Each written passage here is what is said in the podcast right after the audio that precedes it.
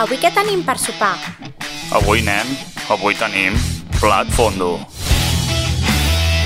Des de Navilles i fins a les 9 comença Plat Fondo, un programa que cap emissora voldria tenir a la seva antena. Amb Arnau Vivó, Joan Romeu, Jofre Hernán i Òscar Paez. Un programa tan bo que et deixarà amb ganes d'un segon plat.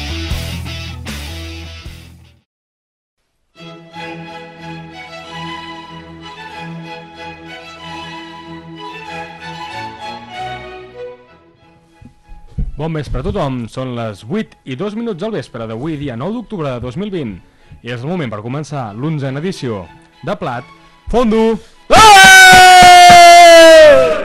La setmana passada vam parlar de manera força positiva de l'inici de temporada de l'equip del comandante, però ens van fer una gran pregunta. Fins quan durarà això? Doncs la resposta no s'ha fet esperar massa, i és que només ha durat dos partits i per motius més que evidents.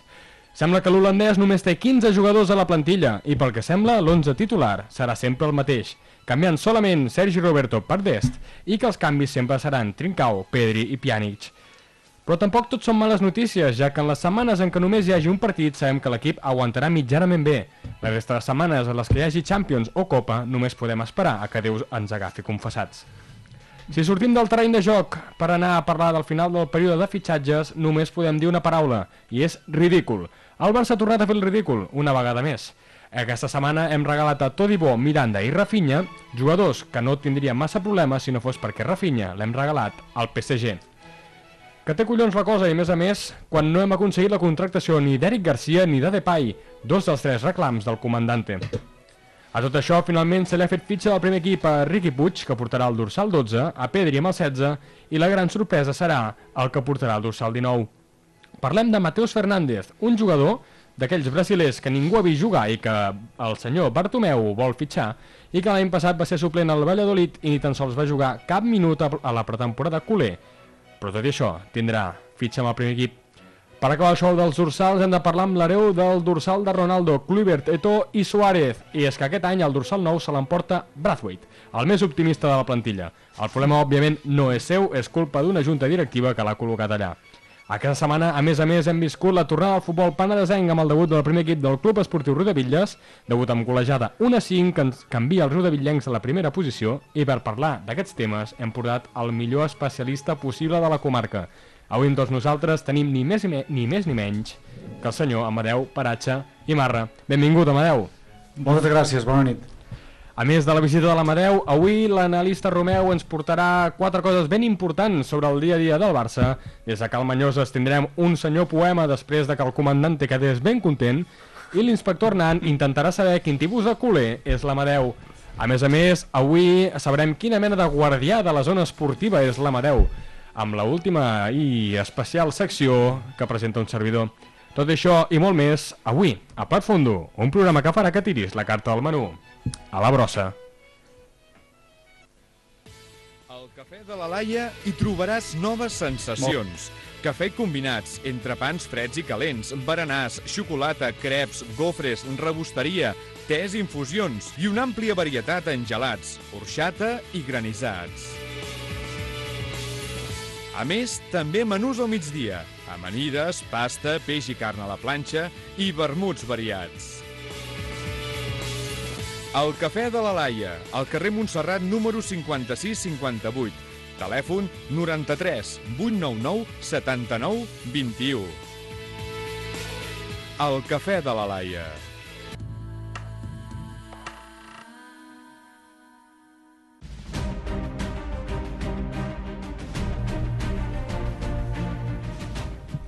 Bé, primer de tot i com és costum en el nostre programa, quan tenim convidats, li donarem una altra vegada la benvinguda al nostre convidat d'avui i el primer de la segona temporada. Benvingut de nou, Amadeu. Moltes gràcies. Aquí a Amadeu sempre ens agrada donar una bona benvinguda a cadascun dels convidats que passen per aquesta casa, i tu no en seràs l'excepció. Molts us preguntareu, qui és l'Amadeu? I jo us diré, bona pregunta. Podríem començar dient que l'Amadeu és una ànima intrèpida, que gaudeix de l'escena i d'aquells moments que es mostra al públic amb transferència i ganes de captivar a través del meravellós món inter interpretatiu. Et sona, Amadeu? I tant. Bé, per qui no ho sàpiga, com els nostres amics tertulians, eh, estem parlant de la presentació que fa el propi Amadeu d'ell mateix en la seva pàgina web oficial. I és que sí, aquesta setmana hem portat un autèntic actor. Ha participat en una gran quantitat d'obres teatrals i curtmetratges, a més a més de fer l'anunci de Tortillas Palacios l'any 2017, amb el qual ha tingut més de 2 milions de reproduccions al YouTube. A part d'actor, va ser el vocalista i líder del grup riudevillenc Sex Pastels, un tribut als Sex Pistols, i és a més, pocs riudevillencs han aconseguit omplir la carpa de festa major com tu aquella nit del 2 d'agost del 2013. Allà teníem a l'Amadeu vestit amb un mono a ratlles blanques i vermelles i amb el micro de mà animant a tot un públic que fins i tot es va atrevir a pujar a l'escenari. Per la seva activitat... Però, però, la seva activitat al poble no acaba aquí, ja que el 22 d'octubre de l'any 2011 l'Amadeu va tenir una de les millors idees que ha plantejat mai al poble.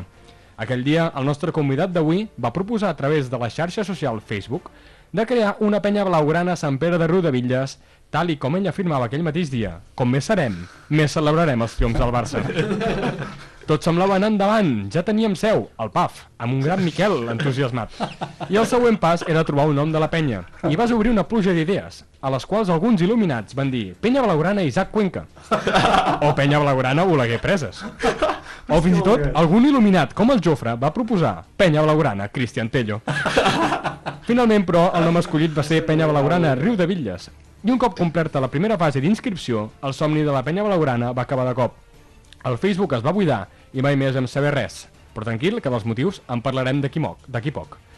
A més a més, l'Amadeu és un gran seguidor de tot l'esport local de Sant Pere, des de l'hoquei fins al futbol. És més, ha arribat a arbitrar un partit de futbol de festa major amb un banyador vermell de flors, cosa que molt poca gent, o potser ningú ha sigut capaç de fer-ho. Finalment, haurem de comentar que a mitjans del mes de juliol, des de Plat Fondo, li van dir la proposta a l'Amadeu de venir al programa durant la segona temporada, i ell ens va dir que no ho sabia, perquè hi havia un problema, que ell en sabia de futbol i que nosaltres no en teníem ni puta idea. Aquestes declaracions l'han fet el convidat perfecte per al nostre programa, un convidat que actualment és el guardià de la zona esportiva de Sant Pere de Riudevilles, és a dir, l'encarregat de posar ordre a tots els esports i que està fent una feina incalculable i que mai cap entitat del poble te la podrà agrair de la manera que et mereixes. Així, i sense més dilacions, m'agrada- m'agradaria donar per acabar de la benvinguda i començarem amb la tertúlia de la setmana. President de la Unió Esportiva Pla, només li poguessis dir quatre paraules a l'actual entrenador, quines serien? David Fernández, estàs fora.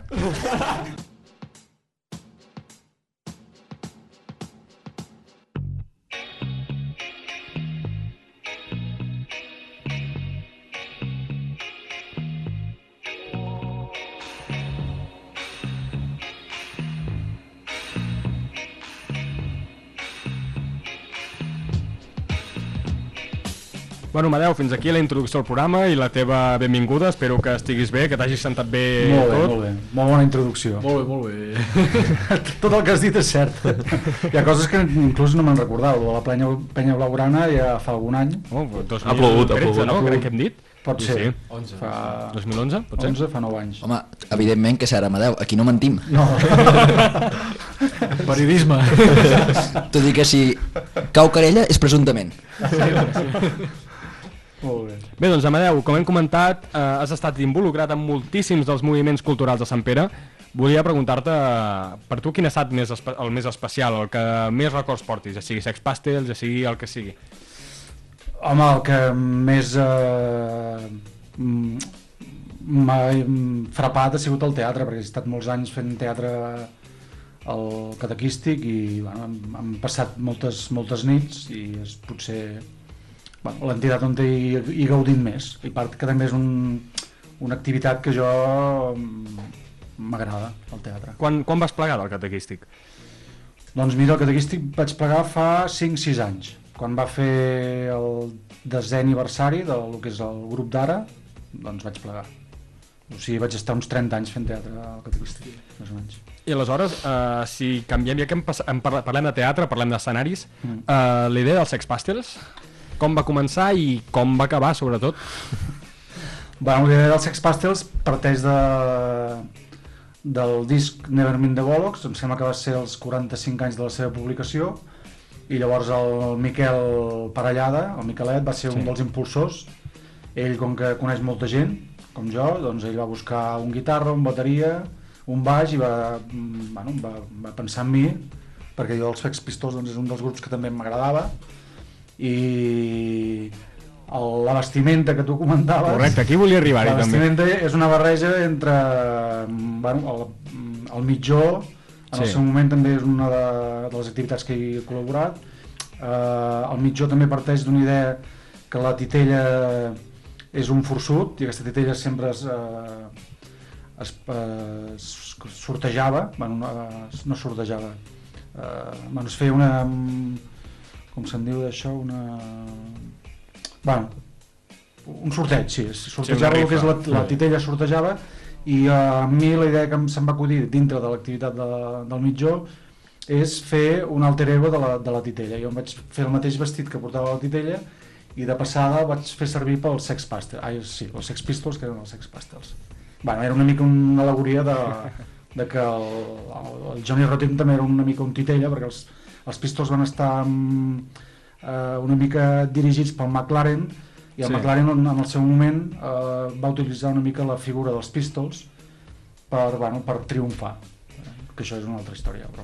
Aleshores, com, com vas viure el, el concert del divendres a Festa Major comptant que es feia el Correbars al mateix moment i tenies la carpa bastant plena? Doncs la veritat amb, amb No vas poder anar al Correbars, llavors. no vaig poder anar al Correbars El vas fer abans. Sí, la veritat és que... La... Sí. I després. Uh, tot i que teníem molta experiència en el món de l'escenari, mai havia fet un concert, i menys jo com a vocal.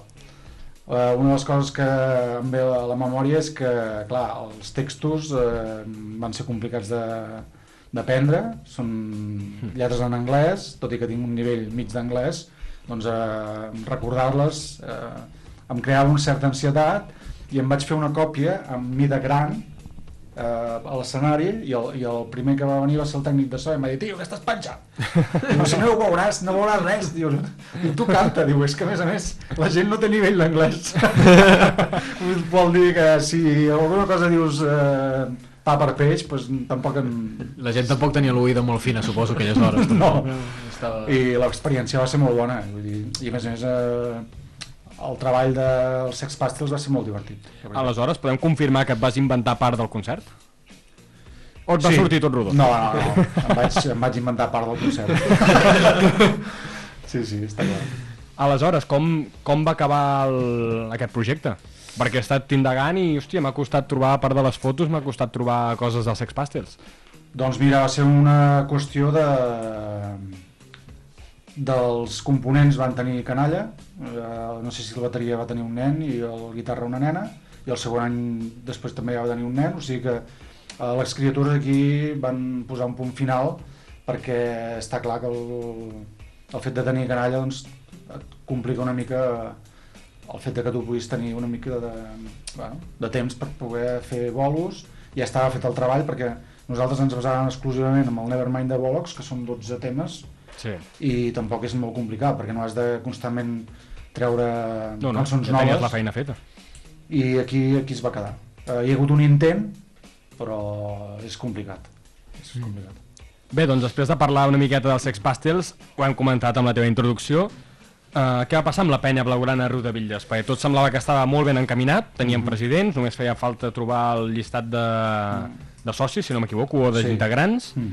i de cop, al Facebook almenys, s'acaben les publicacions. Sí, bueno, ara és de fer una mica de, de rescatar la memòria, però sí que sé que en el seu moment, estem parlant del 2013, Mm, més o menys, sí. Ah, Ara, es van- ara t'ho confirmo, si vols. bueno, es va complicar molt la història a través... 2011. 2011. Uh, si no m'equivoco, és el moment màxim que el, que el Barça comença a guanyar títols, hi ha la porta, hi ha moltes sí. finals, es guanyen Champions, i el problema és que hi ha molta falsificació de penyes. Què vull dir amb això? Que la gent fan penyes perquè volen rebre eh, entrades, eh, tenen unes entrades estipulades per penya, i el que es feia és agafar aquestes entrades i fer-les eh, fer negoci i revendre-les. Llavors no, mm, eh, em vaig trobar amb aquest problema que ells anaven a la seu i no existia ni la seu. Val? I llavors eh, m'estava totalment prohibit fer la seu en un establiment públic que fos un bar, restaurant, això. I aquí vam tenir el problema principal. Ja ho teníem tot encarat, però llavors eh, representava quan agafar un local, que ja havíem estat mirant un local al costat mateix del campa, no sé si us recordeu, hi havia una La barberia. Sí, la barberia, sí. i aquí es va començar a complicar tot perquè llavors s'hauria de pagar un lloguer haurien d'haver comprat eh, els drets del Canal Plus, en la qual Sí. cosa també és un pico, i clar, i no hi havia massa bona predisposició per part de tothom. En aquells moments eh, els restaurants i els bars eh, funcionaven molt, amb el Canal Plus, si us en recordeu. Sí, sí, Sí, sí, sí. estaven plens. I clar, era un risc. Era un risc que amb el Miquel estava solventat, perquè era un, un tet a tet, Sí, tu ens deixes al local, Un nosaltres win-win. disfrutem, disfrutem i... Però bueno, així va quedar. però tenies, tenies el... crec que eren 60 persones, les havies Sí, sí, aconseguit? sí, sí, sí. sí? Bueno, havíem aconseguit... No, 60 no eren necessaris. Crec que per fer la fundació n'eren necessaris 5 Sí, que però fossin... després ficaves de que necessitaves un X número de gent per poder fer la segona fase. Sí, crec que sí, ara ja no ho recordo, però que la segona fase fos necessària un volum de gent per poder fer front als, a tots aquests eh, eh, aquestes despeses que hi havia per fer eh, el, el club, bueno, el club el, la penya. I llavors, clar, com a mínim s'havia també de començar a organitzar, si són 60 persones a X diners, que fessin front a això, el que és la despesa del lloguer, la llum, haurien d'haver posat, també s'hauria de condicionar amb un lavabo, Sí, sí, no, clar. Clar, coses que per normativa les havies de fer i malauradament una mica també va ser aquest fet de que la directiva s'ha posat molt dura perquè hi havia moltes eh, penyes fraudulentes. Eh? Bàsicament recordo això que em vaig posar en contacte amb el cap de les penyes del Penedès i em va dir no pot ser, un bar no pot ser perquè es van trobar per- amb... Però li haguessis hagut de dir que el bar aquest era el PAF Sí, sí, sí. Llavors, Ja li vaig dir que era un no era lloc un bar qualsevol. No, no, la veritat és que és un lloc històric que jo he, he viscut moltes eh, victòries del Barça, també he viscut moltes derrotes, Alguna. però una de les victòries que vaig viure, la primera, que vosaltres no sé si havíeu nascut, és la del... com li dius amb el comand? El comandante. El Hòstia, comandante. no hi érem, no hi érem. No hi éreu? Doncs bé, jo recordo que a la sala gran hi havia com un, una prestatgeria amb el nino del, del Pap Claret, que era un nino bastant lleig, i jo vaig saltar i vaig trencar el que és la, el pedestal i va saltar el nino. I aquest és un dels records que tinc al, al Pap Claret. Aquestes coses ja no passen al PAF, eh? El Miquel es lamenta de que no passen aquestes coses, ja, Ja, això ja no... ja. Ara Bueno, ara hi ha molt internet i internet Sí. sí. també ha fet molt de mal, Sí, sí, bon sí. internet. I hi ha gent que també ara ho té tot amb telefonia i ja et donen el futbol, Netflix, Sí, sí, totalment. i això no crea tanta bueno, cohesió so- social, no? Jo crec que el futbol també cohesiona i és, és interessant viure-ho amb, amb grup. En almenys companyia, sí, en sí, sí, companyia. home, i tant. Aleshores, Amadeu, ara has parlat de records. Sí, Jo li pregun vull preguntar sobre què recordes sobre un altre partit de futbol que hem comentat anteriorment i és que com vas acabar arbitrant un partit del Sant Pere amb banyador? Amb banyador vermell de flors. La veritat és que això, això sí que no ho recordo. Suposo que eh, arbitrar no vol arbitrar mai ningú, i menys sense cobrar. I llavors, doncs, com que devia ser de costellada, doncs... Eh, Era camp de terra, eh? Nosaltres et recordem passejar allà amb el banyador i un pito. doncs segurament que bueno, per, per qüestions de, de manca de gent que pogués arbitrar vaig arbitrar jo no ho recordava això tampoc eh? però el banyador de flors és històric també perquè és un banyador que, Per què és històric? Per què? doncs perquè és un banyador que constantment molta gent m'ho recorda és que el banyador de flors, que el banyador de flors i justament em va passar una cosa molt curiosa. Aquest any, que és un, una persona que, que va venir de fora precisament perquè aquest any hem hagut de fer amb el tema de piscina eh, s'ha hagut de restringir, restringir l'aforament i venia amb aquesta persona amb el mateix banyador que tinc jo aquest banyador ja fa anys que És un requisit per treballar a la zona esportiva, no? i em vaig atrevir a dir-li, dic, hòstia, aquest banyador que portes dic, és, uh, és, Homologat. és antic, eh? Diu, sí, sí, diu, fa 10 o 12 anys que el tinc. Dic, ja ho sé, ja, dic, perquè jo en tenia un d'igual, Aquella persona en un altre poble hauria arbitrar un altre partit en aquell mateix dia. segurament. Sí, sí. Aleshores, fa molts anys que segueixes el Club Esportiu Rodavilles, fins i tot l'has arbitrat. Sí. Uh, com veus l'equip les últimes temporades? Mm, Mira, l'última temporada fatal, molt malament.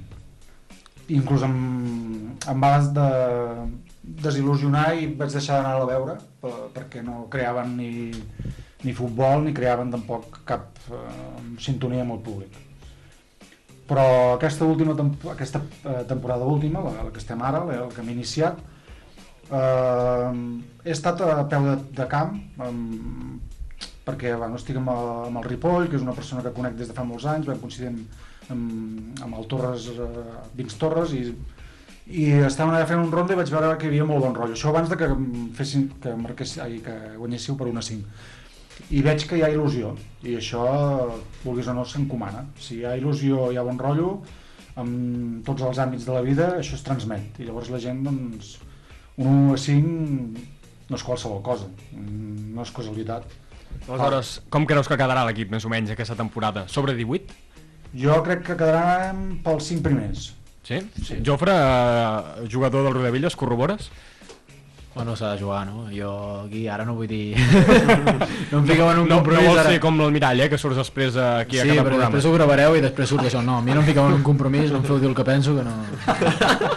Endavant. Doncs Amadeu, última pregunta abans de parlar del futbol professional i és que almenys des de la teva pàgina del Facebook hem pogut veure que ets molt bon amic de l'exentrenador Manel Lora Sí. Eh, com vas viure la seva destitució? Creus que va ser justa? La veritat és que no la recordo, però jo crec que el Manel Lora el conec personalment, no com a entrenador només, com a persona. Uh, a vegades el que no fa una directiva és acomiadar bé una persona. Una mica també és el mirall de tots els mals acomiadaments que ha estat fent el Futbol Club Barcelona. El Barça és un mirall de, de la societat. I si rescatéssim una mica tots els jugadors que han anat passant pel Barça, des del Rivaldo, eh, Ronaldo. Ronaldo, el Cruyff, el mateix Cruyff, que mm, finalment abans de, de que es morís doncs, li van fer un homenatge, però la seva destitució va ser horrible. I així podíem dir un munt de, de jugadors. I això crec que també es transmet eh, amb els altres clubs, els clubs han de, han de tenir la, la mà dreta per, per, bueno, doncs, eh, per saber doncs, acomiadar les persones i en aquest cas el Lora doncs, segurament que devia ser un error perquè el Lora és un, un entrenador que, que val i bé que, no sé. Bon entrenador, sí, sí. No, no. i el va substituir el, El, el, el, el Jandro, el que hi ha ara, sí, sí. Molt bé. Doncs deixarem ara l'apartat Rodavilles, eh, fe, eh, afers culturals de l'Amadeu, anem a parlar realment del que està movent diners avui en dia, anem a parlar del Futbol Club Barcelona, del Floreta i els seus amics. Floreta. Uh, Amadeu, com veus el Barça aquesta temporada? Confies amb el comandante? Uh, la veritat és que no gaire. No, gaire. No ets I, positiu? I me, més que positiu, sóc realista. I has, heu fet una anàlisi de, de l'actualitat del Barça, que jo tampoc eh, segueixo tant al peu de la lletra, però sí que és cert que la directiva marca molt l'actualitat del, del, del Futbol Club Barcelona i la directiva ja hauria d'haver plegat. I això és un mal que, que es va fent més gros i eh, el comandante que dius tu és un pedaç, un pedaç més i És una víctima, és una víctima o no és, un, és una víctima? és una víctima, sí, sí el, Un màrtir. És un màrtir. Ara, ara, ara. Ha vingut a morir aquí. Clar, però, Ara de la guerra. Kamikaze. però també s'ha, jo crec que la vida el que has d'aprendre és eh, saber dir que no i almenys una de les coses que he après amb els anys és eh, saber dir que no. Com el Xavi. I tot i això està aquí, eh? Amadeu?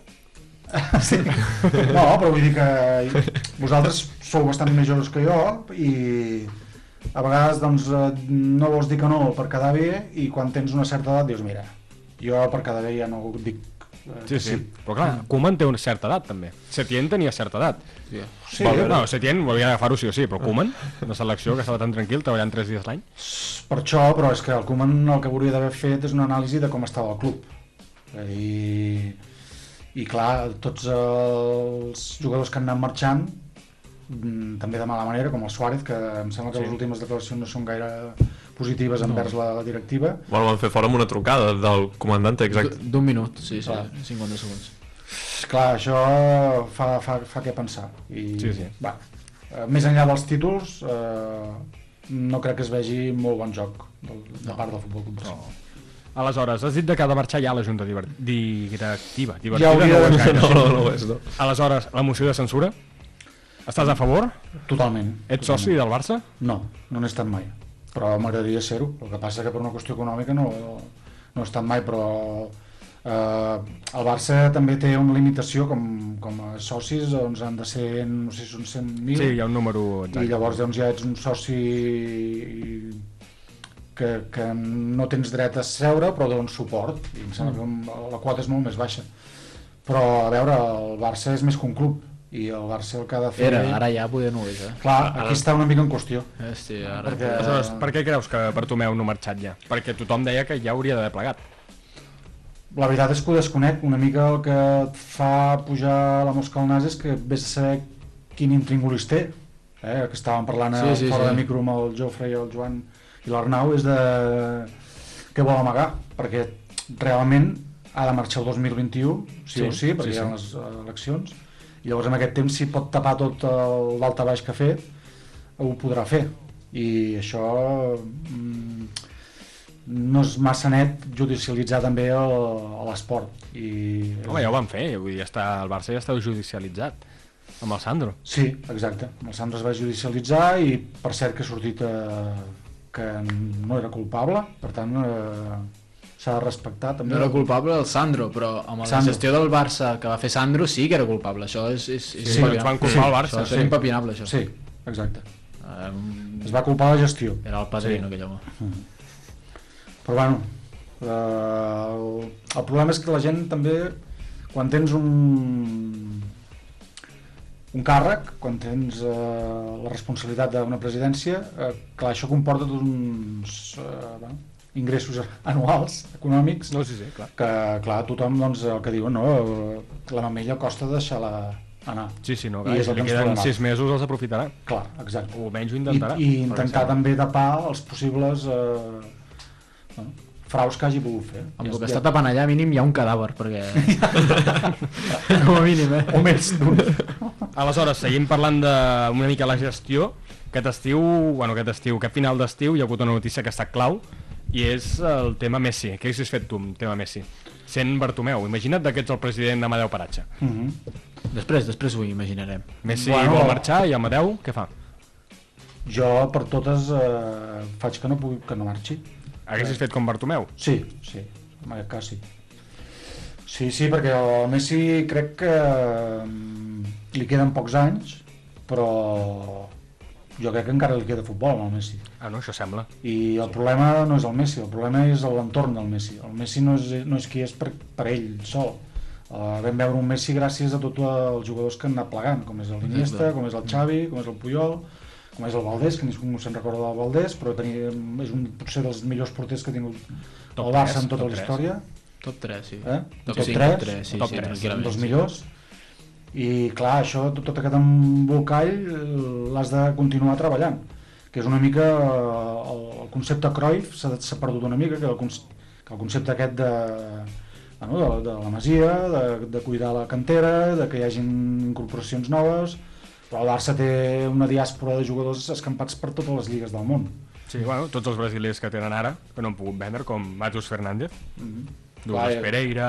vosaltres potser esteu més al dia, però s'ha convertit una mica també, malauradament, el futbol en un negoci de, de milions i de canvis de jugador i un per l'altre, sessions, que això també desencanta una mica eh, el que era el joc d'abans, perquè si us recordeu, el Dream Team del, del Cruyff eren jugadors que sí que eren bons, però que, com deia el Cruyff, els jugadors es fan bons perquè juguen al Barça. O sigui, els jugadors eh, el Barça no ha d'anar darrere d'ells són els jugadors que han d'anar darrere del Barça per, per voler jugar, perquè el Barça els hi dona prestigi Sí, sí. Ara sembla que ha canviat la situació. Ara, ara, al Ningú revés, venir al ara, Barça. ara el perden. El Clar, clar, exacte. Ah, Se l'estan deixant perdre, no. sí. Eh, Gent com Ander Gómez i tots aquests han anat al Barça i han anat enrere. Han anat a menys, clarament. Sí, sí. Aleshores, Amadeu, eh, ho hem comentat fora de micro, com has dit. Tenim dos espectadors, dos oients, que ens han enviat dues notes d'àudio per Mhm. tu. Molt bé. Aleshores, primer ficarem un i després et ficarem l'altre i les comentarem. Molt bé. D'acord? Amadeu, bona tarda. Aviam, tinc una pregunta per fer-te. Uh, què en penses tu d'aquelles ensabonades que veies tu allà al vestuari, allò ben fetes? Després tu estaves mitja horeta, dues horetes ben bones per treure tota l'aigua, després de les dutxes d'uns entrenos de futbol, i volia saber què n'opines.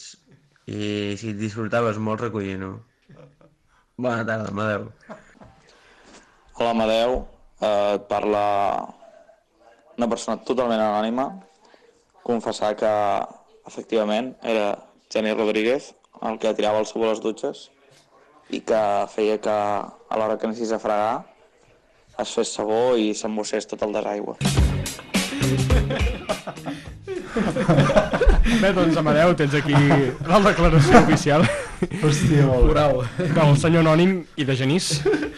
Recordes aquelles ensabonades? El primer, el Genís? El primer, el Genís. El Genís uh, Rodríguez? Sí, el Xuri. El Xuri. Ha passat per aquí, també. Sí? Ha sigut sí. convidat, sí. Un convidat, sí, sí. Passat, ha passat. Doncs la veritat és que no ho recordo, eh? És que, saps què passa? Que segurament... Vestuaris vells, eh, Amadeu, parlem? Sí, sí. De camp de Amb els vells. Fa, fa 10 anys. Fa 10 anys. On, 9 10 Si, anys. si vols t'expliquem com anava. Sí, és que no recordo. Eh? Aleshores, quan acabàvem l'entreno hi havia quatre persones del, de l'equip, No direm el nom. no direm noms, però òbviament un és Xuri, Ah. que tenien més ganes d'acabar l'entreno en el vestuari que fer l'entreno. Era que va l'entreno el partit i s'anaven corrents al vestidor. Correcte. Aleshores, el, la persona en qüestió, Genís, segons el nostre senyor anònim, sempre portava un sabó de litre. I a fora de les dutxes l'escampava tot sencer. Les dutxes girava a l'aigua i la tirava cap a fora. Ula. Què passava? Que llavors tot allò lliscava i es fotia amb el cul en l'aire, uh, relliscar. De fer una espumeta allà que lliscava que donava gust allà, eh? I recordem quan t'enfadavaves a Amadeu i preguntava qui tirava el sabó allà fora perquè allò feia una espuma que no hi havia manera de treure-ho. Sí, no ho recordo. No ho recordo. Però suposo que, clar, eh, és emprenyador perquè després segurament que el fregar encara generava més Més sabor clar, clar, clar. i no ho recordo, no ho recordo. No, no et feia molta gràcia aquella època, Amadeu. A nosaltres sí. Ja, ja, A ja. nosaltres era graciós. Jo sempre tindré el record de tu venir allà i, aviam, qui és aquest que em fa, em fica el sabó aquí perquè em fot una espuma que després no hi ha manera de treure Jo sempre... No ho recordo, no ho recordo. Tot emprenyat, sí, sí. I això estem parlant del camp de terra, ja. Sí, sí, ja. sí. Camp de terra o gespa era ja, no? no? faltava un any Terra terra. encara? Sí, sí. Camp vam guanyar la Lliga era això. Segon d'ESO. Ei. Clar, al camp de terra estem parlant que fa uns 2011. 7, 8 anys. Mira, amb la penya blaugrana. Mentre Eh, la amb penya blaugrana, sí, sí, et sí, hauria sí. venir la idea, doncs traient l'espuma, perquè el cabron del xuri... Va ser el Xuri presumptament, eh, però... Presumptament, perquè ho ha dit un senyor anònim, tampoc ho sabem del tot. Clar, clar. Bé, doncs Amadeu, fins aquí la tertúlia, ara ens anirem un moment a les seccions, eh, ja, avui tenim seccions de cadascun dels quatre, dos de nosaltres, si no m'equivoco, interactuarem amb l'Amadeu, dos no. Aleshores, anirem cap allà. Carai, sí que has posat menjar a la fregidora. Que és algun dia especial avui. Avui, avui és dia gran. Avui és dia de plat, plat fondo.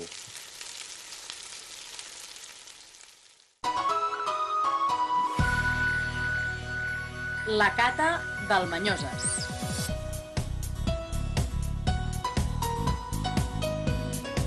Jugar, no, el Genís? Bueno, comença la meva secció, Madeu, relaxa't, que gaudeix del poema que he fet. Molt bé. Uh, avui a, a la Cata del Manyoses, que és la meva secció, Mhm. uh, farem un repàs del que ha passat al Barça aquests últims anys, no? des de l'època gloriosa, en guanyàvem triplets, uh, ens respectaven Europa, no? fins a la decadència futbolística i directiva, i especialment aquesta última, Mm. que ens ha portat a la situ situació actual on el millor jugador de futbol del món vol marxar al club. No? um, per culpa d'una directiva no? que, el que dèiem abans, que el Barça no vol que sigui més un club, o això sembla.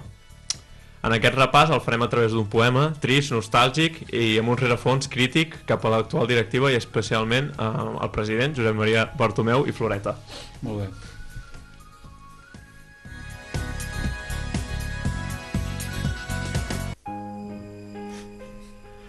A la temporada 2008-2009 tot va començar. Amb el tiki-taka i un nou futbol, a Pep Guardiola ens va enamorar. Quan en el PAF i el Camp Nou no paràvem de cridar gol. Aquella temporada va ser per emmarcar. Al Santiago Bernabéu vam arribar i amb un 2 a 6 vam marxar. A Roma vam arrasar i el nostre primer triplet vam poder celebrar. A la temporada 2009-2010 Guardiola encara es podia plantinar. Fins que una toia, Zlatan, van fitxar. El 2009 tots els títols van guanyar. Fins i tot Messi amb el cor va marcar. A la temporada 2010-2011 La toia alta i nassuda a Itàlia va marxar. I els tres petits de la Masia es van coronar. I un altre Champions al Manchester van guanyar. A la temporada 2011-2012 Guardiola ja no es podia pentinar. Però tot i així, un altre campionat del món de clubs va guanyar. Tot i que el Chelsea a quarts ens va eliminar, per la porta gran es va acomiadar.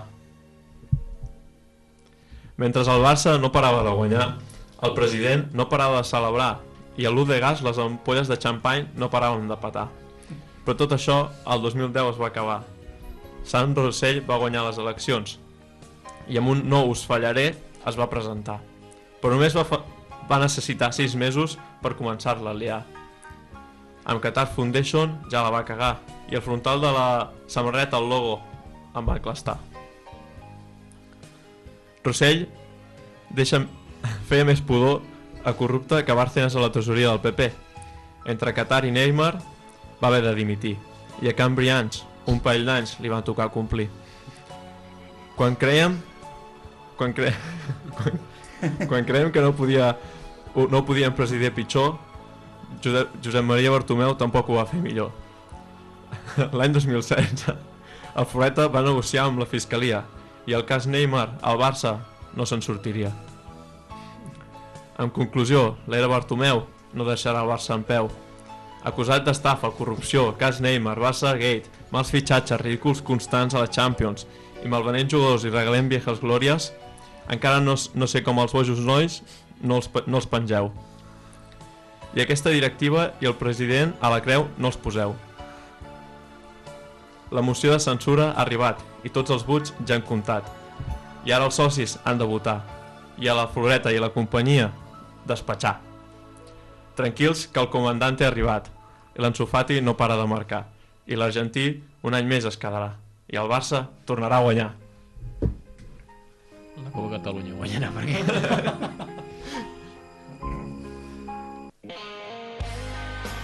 Escoltes Ona Bitlles, 107 FM.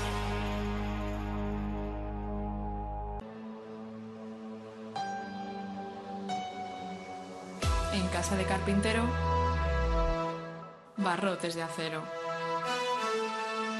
Analista Romeu.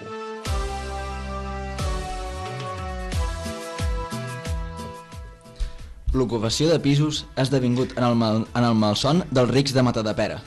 Els ocupes tant poden ser narcotraficants com gent que lluita per la seva pròpia, pròpia supervivència. Però l'ocupa del cas d'avui és el pitjor del pitjor.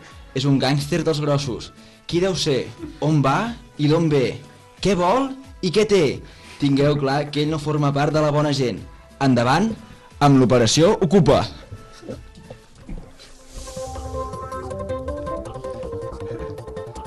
Localització Camp Nou.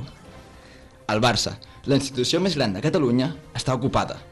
El que és a dir, un club democràtic que en realitat és propietat de Josep Lluís Núñez, que tot i que ja fa anys que passa el dia prenent el sol al seu nínxol de les Corts, el seu esperit segueix ben viu. El piset del Barça sempre ha estat nunyista i només un jove valent, exitós i amb els collons més grans que el cap de l'Ernest va aconseguir reformar el pis i fer-lo l'enveja de tot el món. Això sí, feia molt soroll a les nits i va deixar humitats a les parets dels veïns de tantes ampolles de xampany que va tirar per sobre. Després hi va, entre, hi va entreviure un jove mafiós que creia que, que ens enganyaria tots. Però ser mafiós no va lligat amb la intel·ligència i ben aviat va canviar les oficines del club per les reixes. Des de ja fa 5 anys el club està ocupat per Josep Maria, Bartomeu i Floreta, un president lamentable, acompanyat d'una junta directiva lamentable que han destruït tot el que va deixar el Jan i no han deixat viu ni el gerani. Ha imputat el club, ha protagonitzat els ridículs esportius més grans de la nostra història, s'ha carregat la masia i ha fet negocis amb ella, fitxatges milionaris amb el mateix nivell futbolístic que el bastó de la meva àvia, massa salarial disparada, seccions abandonades durant molts anys i, ara, només té pressa en firmar els últims papers de l'Espai Barça, un projecte que dia que passa, dia que s'encareix, o dit d'una altra manera, dia que passa, dia que ell més s'embutxaca. Bartomeu, fot el camp, que el club no és teu. Que no, que no has robat prou, que sense tenir un puto duro també vols fer el, camp, el nou Camp Nou. Això ja no ho tapa ni la tovallola del Barça que regala Mundo Deportivo.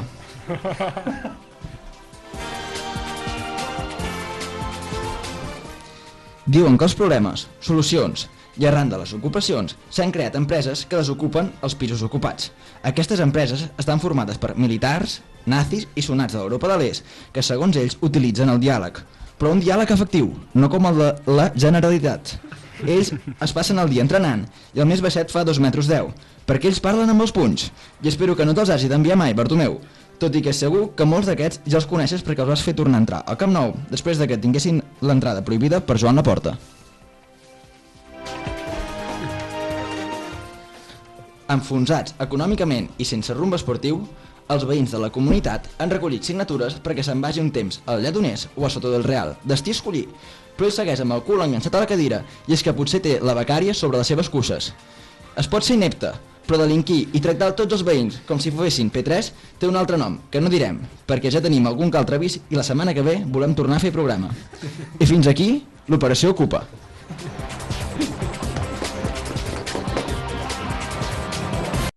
What's the weather like today? Today it is blood fondue.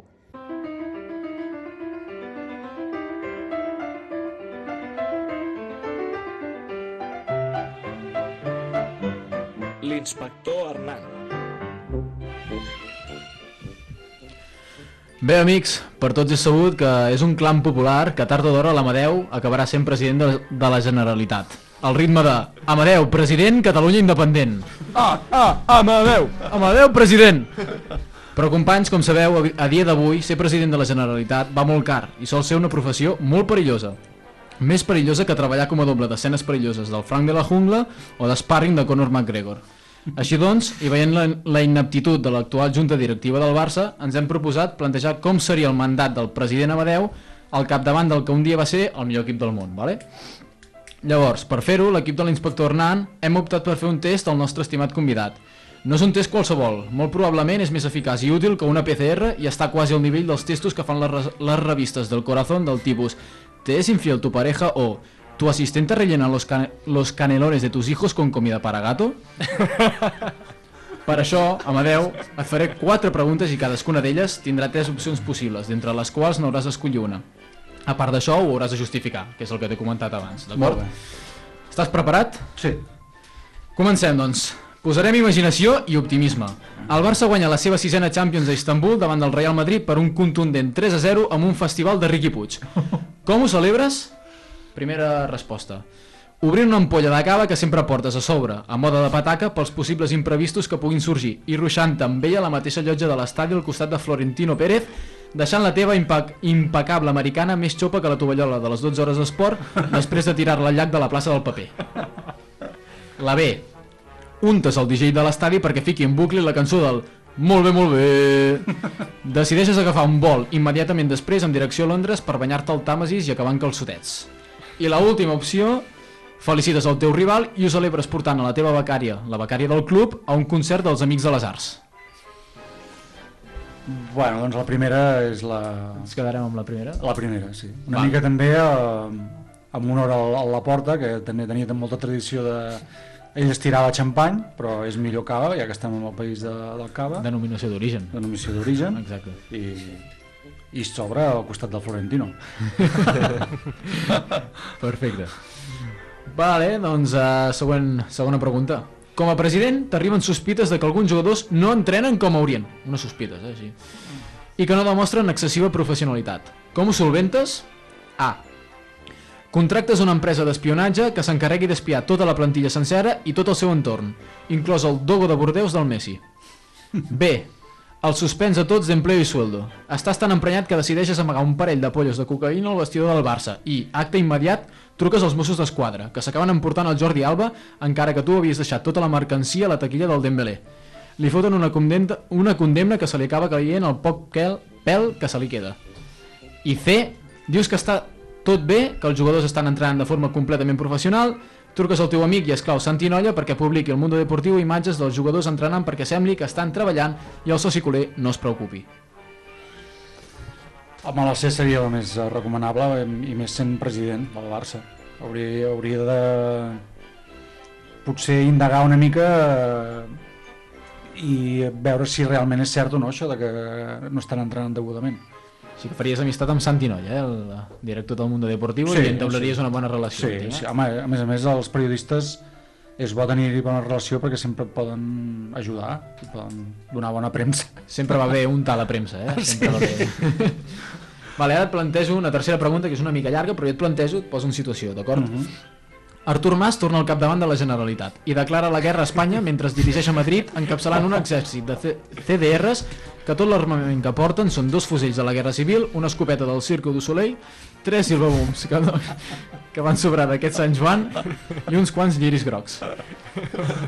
Finalment, el president s'acaba immolant amb els silvabums davant del Congrés dels Diputats per aconseguir un referèndum d'autodeterminació com el de l'1 d'octubre. I Manuel del Bombo, que és el nou president del govern espanyol, acaba acceptant el referèndum amb la condició que es faci el dia que el Barça juga contra el Celtic de Glasgow als setzents de final de l'Europa League. A última hora, el president Manolo se'n i acaba enviant un exèrcit de 100.000 soldats armats amb timbals per atonyinar tot el personal que es disposi a votar. Tu, com a president, fas A. Suspens el partit i dones a cada jugador un cavall del Real Club de Polo perquè se'n vagi a combatre l'exèrcit espanyol a puño limpio. Tu mateix agafes un garrot i te'n vas per Barcelona amb el teu Hammer com si estiguessis al GTA i t'ocupes de defensar els col·legis electorals. Això és la primera solució o mesura que prendries. La B. Decideixes suspendre el partit perquè en unes condicions així el futbol hauria de ser secundari. En una data tan assenyalada te'n vas a votar el sí per la independència de forma pacífica.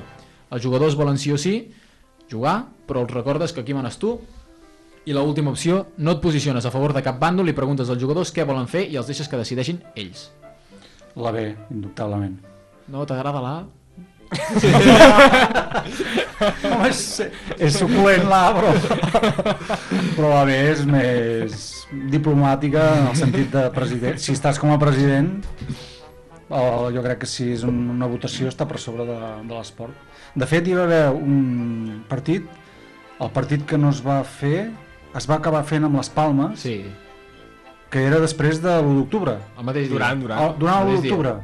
I crec que aquí ja la van començar a parlar malament a cagar, perquè era el, era el Floret el que... El Sí, Floret, sí, sí. eh? De fet, la, la, la resposta C anava encarada al que va fer ell. Ah. Es va dedicar al vestidor i preguntar què volien fer els O jugadors. sigui, era el mateix dia 1 d'octubre que sí, menys partit, sí, ja no recordava. Sí, sí, sí. Sí, sí. Clar, jo crec que no la van encertar gens, eh, però bé, es va acabar Tu ho fent. haguessis fet diferent, doncs. Sí. Val. Doncs ja arribem a l'última pregunta. La teva gestió no agrada a tots els sectors del club i una part de l'afició decideix tirar endavant una moció de censura, ara que està tan de moda, val? Com reacciones? A. Reacciones com un cavaller, acceptes el poder de la democràcia i els desitges molta sort als teus rivals polítics. El que vols és el millor pel Barça, tot i això, aquell mateix dia decideixes anar a la tagliatella de l'illa Diagonal i optes per arrasar la seva carta ja que tothom sap que per baixar els nervis i l'estrès el millor és menjar com si no hi hagués demà. La B. Agafes personalment un per un els promotors de la moció i te'ls emportes de nit a un carreró del Raval, on els reparteixes hòsties fins que no es comprometin a aturar aquesta moció. I la C. Ets tan patètic que optes per denunciar davant la Guàrdia Civil que la recollida de signatures no ha sigut legal per tal d'esgarrapar uns dies més al capdavant del Barça i fer temps per no haver de fotre el camp. La C, indubtablement. Està inspirada en algú, no vull dir noms. Home, jo crec que la, la A és la més bueno, encertada i això hauria de, de prevaldre per, per tots els càrrecs públics, no només esportius. Eh, A vegades eh, eh, també s'ha de saber, saber plegar. Eh, hi ha un cas molt recent que és l'alcalde de Manlleu, que bueno, es, es van emetre unes imatges seves que estava ebri en, en un sopar i finalment no, no ha dimitit com a alcalde i crec que és, és molt encertat perquè avui en dia el problema que tenim és que tot arreu hi ha càmeres i això eh, és una certa mm, problemàtica perquè és, és un àmbit eh, privat Clar, estava en el sopar, un sopar seu. és un sopar seu, àmbit, mm, vull dir que tampoc no estava, tampoc no, no estava posant en perill ningú, una altra cosa fos que... Amb el cotxe o... Però vull dir que, per altra banda, jo crec que és encertant no dimitir, en aquest sentit, però hi ha molts altres casos que dius, eh, i més a l'estat espanyol... L'alcalde de Badalona, eh, si no recordo malament, també era un cas similar al de Manlleu. Clar, però que anava conduint borratxo. Clar, anava conduint Però és molt diferent, Clar, eh? Ja I era- co- es va saltar el confinament. Clar, Són Ah, casos va, diferents. va, fer un, diferent. va fer un pleno el 15. Molt diferent. Sí, però sí que és cert que no hi ha, 15 punts li van treure. no hi ha cultura de, de la dimissió eh, en aquest país. No, no, no. Saber-se retirar temps a vegades Aquí, és, clar. uh, i no, no Sí, jo crec que eh, l'autoritat el que ha de fer és donar exemple. I jo si algun dia ocupo algun càrrec, Que m'han President? m'han ofert algun. De... President del Barça. President del Riu de Villes, Del m'han ofert. Bueno. I, a veure, el pare de És una, l'Òscar... és una exclusiva, Sí. això, eh? Podem dir que és una exclusiva. Vale, vale, vale. Tenim el... Ex exclusiva. Exclusiva. Ho tenim aquí, l'exclusiva. Bueno, és la, el, la proposta que, que, em- que em van fer abans de, del Marc és eh, encapçalar la, la presidència del Riu de Villes doncs com, com a president, com, com el seu pare o, Mm. el que ha de fer si no estàs eh, d'acord amb, amb els socis i amb el- l'equip, amb el que sigui, i els socis no estan d'acord amb tu, el que has de fer és plegar. Retirar-te a temps. A veure, és, és evident que en uns eh, àmbits com el Barça el Madrid és, és molt diferent que un, un club de poble, però en definitiva l'exemple sempre és el mateix. Tu has de, de saber eh, po- posicionar i, i respectar sempre tothom. No? Molt bé. Doncs bé, Amadeu, fins aquí el test. Uh, hem pogut veure que ets un president, series un president molt diplomàtic. Jo tenia l'esperança de que optessis més per les respostes A, que anava més pel modo GTA, però bueno, he vist que alguna l'has agafat, has agafat la primera, la del xampany per sobre, que m'ha agradat molt. Però bé, la, amb les respostes no hem volgut recordar ningú i bé, vull dir, si, algun, si algun president del Barça o expresident ens està escoltant ara i es dona per al·ludit i vol presentar formalment alguna queixa, simplement eh, que truqui al 633 783 eh, 992 com vosaltres sabeu i fins aquí la secció de l'inspector Hernán Joan Romeu, empresa de servei d'instal·lació, manteniment i reparació d'electricitat, climatització, aigua, gas i conducció de fluids. Consta d'un equip de més de 40 persones altament qualificades i especialitzades que li permeten donar un servei integral des de l'assessorament, projecció i execució tant per empreses com a particulars. A més, disposa d'un servei de manteniment especialitzat en instal·lacions d'energia solar. Joan Romeu, carrer La Carretera 31 a Sant Pere de Riudevilles, telèfon 93 899 53 81. Per més informació, joanromeu.com. Joan Romeu, servei oficial, FEX Sendesa, ESPA i Orange. Us agraden els formatges extraordinaris o les anxoves de qualitat? Heu tastat mai el carpaccio de tonyina? Ara no heu d'anar molt lluny. A on? A la botigueta del mig. Com dius? Sí, a Torrelavit, al carrer Major número 8. Una botigueta amb un encant molt especial. A la botigueta del mig. Telèfon 93 899 78 58. I si dieu que veniu de part de Navilles us faran un 5% de descompte. La botigueta del mig.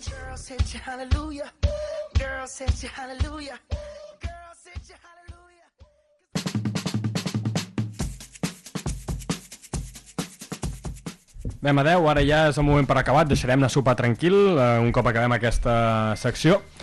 I mira, Amadeu, jo t'explico. Jo normalment faig una secció que és de qüestionari una pregunta a cadascú. Avui hem sortit de la zona de confort i he volgut preparar-te alguna especial, ja que ets de moment el convidat amb més glamour que ha passat per Platfondo, sobretot més que el Marc Pujades. El Marc ens està escoltant, des d'aquí una salutació. Uh, el que intentarem és esbrinar com reaccionaries en diverses situacions quotidianes de la teva feina a la zona esportiva. Ah. El Jofre ha intentat saber quin tipus de president eres, nosaltres intentarem saber quin tipus de guardià de la zona esportiva ets. Molt bé. Vale? Et plantejaré tres casos i en tres respostes. No estan correlacionades ni res, només és com reaccionaries en aquell moment. Ah. El primer cas és un dia qualsevol de primavera del senyor Roger Federer a fer un partit amistós de tennis contra el Jofre Hernán a la pista de Sant Pere. Vale? Tots sabem com està la pista de Sant Pere. Federer, al veure les condicions actuals de la pista, s'enfada i et ve a demanar explicacions a tu a la cara, molt enfadat. Mm -hmm. Què respondries? A. Veient els fums que porta el Federer, li deixaries anar un parell d'hòsties típiques del bo de l'Amadeu i després li diries que anés a fer rellotges, com a bon suís que és. B. Al no entendre res el que et diria el bo d'en Roger, li serviries un gin tònic ben carregat de la pitjor ginebra del mercat, resant perquè li pugés tant que fes que no recordis res el dia següent. O C. El retaries a un partit de tennis ell contra tu a la pista destrossada de Sant Pere, els dos vestits amb el mono que utilitzaves per cantar Sex Pastels. Qui perdi paga una pista nova. Home, la C és, és la millor. Creus que guanyaries? Jo crec que sí. Home, la pista me la conec bastant, eh? S'ha de saber jugar allà, s'ha de saber... Té, té, té truco. Sí, és com anar a jugar al camp de terra al Carme el mateix. Eh... O el de Sant Pere fa 10 anys. Clar, exacte. Hi ha, hi ha xarxa, però? No, no hi ha xarxa. Ah, és un punt molt a favor, Amadeu. Per això. Baixades, Molt bé, passarem al cas 2. I ara el Jofre parlava de què faries si fossis president. No ho hem parlat, però jo també tinc una de les preguntes si tu fossis president. Ah. En Josep Maria Bartomeu dimiteix i tots els socis volen que el president sigui l'Amadeu, ja que fa uns anys va arbitrar de puta mare un amistós del riu de Villes en banyador. L'Amadeu, evidentment, evidentment, accepta sense dubtar. Quina seria la seva primera decisió al poder? Al poder. C. Ah, no, perdó. Ah, no, perdó, perdó, clar, ho tinc tot correlacionat. Anirem a un anterior, sisplau, Amadeu. Abans passarem, perquè Va. si no, no l'entendràs, la resposta. Una nit d'estiu, tu vas tranquil a buscar l'obridor de vi de casa que t'havies deixat al bar de la piscina, perquè casualment el portaves a la butxaca aquell dia i el vas pujar al bar. Un cop entres a la zona de la piscina, sents una olor estranya, però no li dones massa importància. Una vegada estàs dins del recinte, pots observar com un jove d'uns 18 anys aproximadament està assegut sobre una brossa amb els pantalons baixats a l'altura dels turmells i llegint el diari mentre defeca. Com actuaries? A. T'enfades, agafes una síndria que tens podrida de fa uns dies al bar, el comences a cridar i perseguir per la piscina fins que li tires la síndria. Finalment, el caganer abandona la piscina brut de síndria i sense netejar-se el cul. B. Truques al sereno i al teu sicari de confiança i deixes que ells fagin la feina bruta. O C. Li apropes el paper de vàter perquè el pobre noi se l'havia deixat a casa. La B, la B, la B. El sicari de confiança. El sicari de confiança. Així no tornarà. Bé, si ho amaga bé no passa res. doncs tornem a la C, torno a llegir la pregunta per ser un cas. El Josep Maria Bartomeu i Floreta dimiteix i tots els socis volen que el president sigui l'Amadeu, ja que fa uns anys va arbitrar de puta mare un amistós del riu de Villes en banyador. L'Amadeu, evidentment, accepta sense dubtar. Quina seria la primera decisió al poder? A. Canviar l'estadi del club, deixant de jugar al Camp Nou per fer-ho al Camp Municipal de Sant Pere de Riudebitlles i llogant les úniques localitats disponibles per la seva família i amics més propers. A la vegada, però, el club passaria a dir-se Futbol Club Riu de Barça. B. Fer un macroconcert dels Sex Pistols al Camp Nou passant totalment de les totes les normes d'anticovid. O C. Fitxar el noi que cagava, a la brossa de la piscina com a nou davanter centre. Clar, la C ja no la puc triar. Perquè si fan la feina bé, els sicaris... Igual és xapussa i no... Oh, no, si realment no li han fet molt la mà, estaria bé que el, el, el Home, si, si cagaria al mig, no seria la primera vegada. Ah, la C seria la millor. Molt bé, doncs... del Barça que s'hi han cagat més al mig. Sí, Això, això, això, és, això és normal, últimament és normal. Sí. Molt bé, doncs Amadeu, esperem que t'ho hagis passat molt bé. Són Molt. les 20.58, és moment per plegar, per anar a sopar tots plegats. Uh, nosaltres aquí deixem la onzena edició de Plat Fondo, tornem la setmana que ve, seguirem la saga, perquè si no m'equivoco tindrem, avui hem tingut l'Amadeu Paratge, la setmana que ve tindrem l'Amadeu Tena amb nosaltres i acabarem la saga d'Amadeus, a no ser que vulgui venir un altre Amadeu, si us plau que ens truqui. Ja sabeu, el número, que, el he dit, número, el número que he dit el Jofre, el pot tornar a repetir o no el tens a mà? Bueno, el tinc... 633 7, 8, 9, 602. Crec que és aquest. Uh, Si si no teniu qualsevol dubte, i- podeu trucar allà i demanar-li. Moltes gràcies, Amadeu, ha estat un plaer. Igualment, moltes gràcies a vosaltres. I nosaltres tornarem la setmana que ve, divendres de 8 a 9 del vespre, amb un altre programa de Plat Fondo.